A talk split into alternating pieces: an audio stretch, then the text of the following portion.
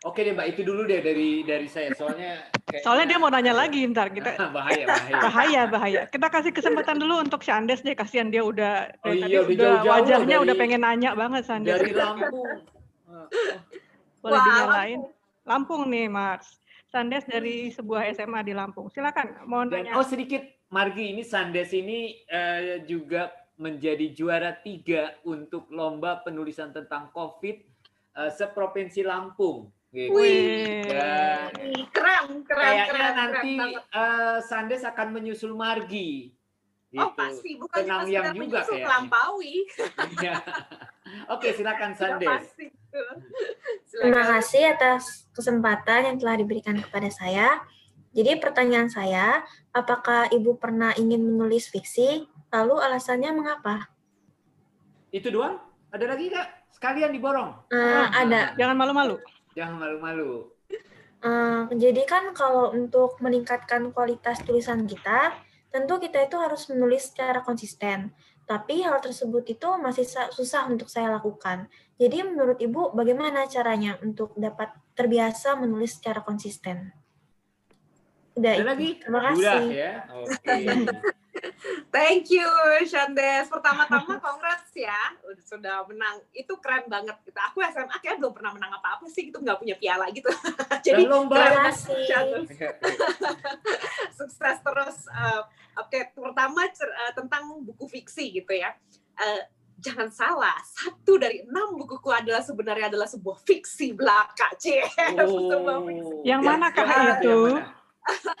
yang judulnya Cruise on You dan waktu itu memang belum bergabung di penerbit buku Kompas waktu Hmm. itu. Iya, iya. Uh, satu kali itu dan awalnya sebenarnya dari blog jadi uh, si si fiksi itu awalnya itu adalah dari uh, dari kita ngobrol-ngobrol di waktu itu satu kantor terus uh, temen aku cerita satu hal tentang mantannya dan sebagainya yang menurutku unyu banget gitu ya gitu oh itu Ah. lucu banget sih oh gitu ya kayak gitu gitu dan uh, gim- itu tuh bisa banget ya kalau misal lo begini begini begini terus dia begini begini terus kita begini begini begini begini begini gitu. Pada intinya aku adalah membayangkan kejadian-kejadian selanjutnya. Tapi dia tidak menghargai itu gitu. Apaan sih cik, Hmm. Deh. Enggak, kagak enggak enggak enggak enggak mau denger, enggak mau denger. Eh beneran bisa. Tunggu ya. Gue bikin ceritanya ya, gue tulis ya ceritanya kayak gitu. Lalu mulailah aku menulis cerita dengan protagonisnya adalah si temanku itu dan uh, mantannya juga. Tikut tikut tikut tikut tikut tikut tikut jadilah satu satu tulisan di blog lalu kemudian uh, ada uh, satu penerbit uh, kebetulan editornya adalah temanku. Ji bisa nggak ini didetailkan lagi? Siapa tahu bisa jadi buku. Ah oke baiklah. Dan akhirnya betul jadi sebuah buku gitu kan ya. Uh, judulnya Oh, Cruise gitu. on You waktu itu. Hmm.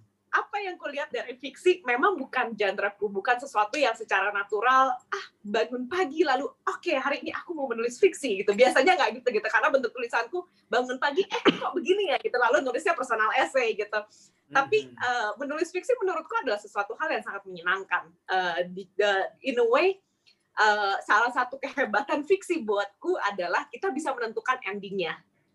Mau happy ending mau nggak happy ending itu. Dan itu adalah satu latihan yang baik ketika kita menjalankan hidup uh, satu untuk menetapkan diri kita sebagai seorang protagonis dalam cerita hidup kita sendiri. Karena kadang-kadang kita nggak merasa kita deserve happy ending. Kadang-kadang kita merasa happy ending itu buat orang lain gitu. Sehingga Iya. akhirnya kita nggak ngusahain kayak gitu.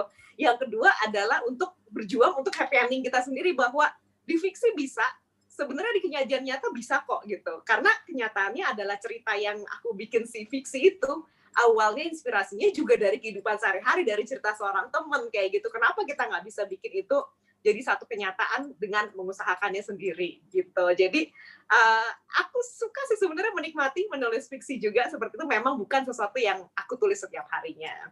Hmm. gitu. Lalu yang kedua adalah eh, menulis gitu ya, apa eh, rutinitas menulis gitu. Hmm, kalau aku biasanya eh, akan menetapkan target ke dalam diriku sendiri gitu. Sebenarnya aku tuh mampunya menghasilkan berapa tulisan sih dalam jangka waktu tertentu.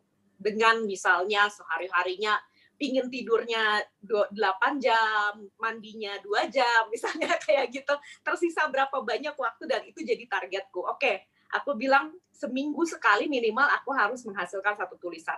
Dan itu bisa tulisan apa aja, bisa di blog, bisa nyicil buku, bisa jadi uh, tulisan untuk orang lain dan sebagainya. Pokoknya satu bentuk tulisan. Uh, itu biasanya aku akan tetap tetapkan targetnya. Dan nggak harus seminggu sekali. Wah minggu ini sakit gitu. Oke targetnya dua minggu sekali. Sebulan sekali terserah deh. Pokoknya harus ada uh, targetnya gitu. Satu minggu sekali dua minggu sekali tiap hari atau sebagainya yang sesuai dengan kemampuan kita nah kalau target itu terlewati uh, kalau buat aku adalah cerita-ceritaku selalu berasal dari kehidupan sehari-hari kalau sampai si target itu kelewatan, aku pasti bisa yakin itu bukan karena kesibukanku, tapi karena aku tidak melihat hidupku sebagai sesuatu hal yang menarik. Hmm. Penting. Gitu. Iya. Jadi akan aku lakukan, eh lewat nih, oke. Okay.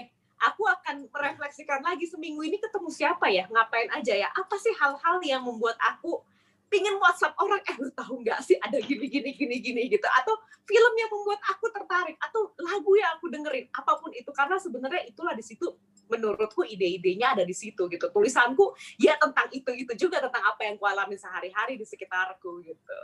Hmm. Keren keren keren. Iya iya. iya.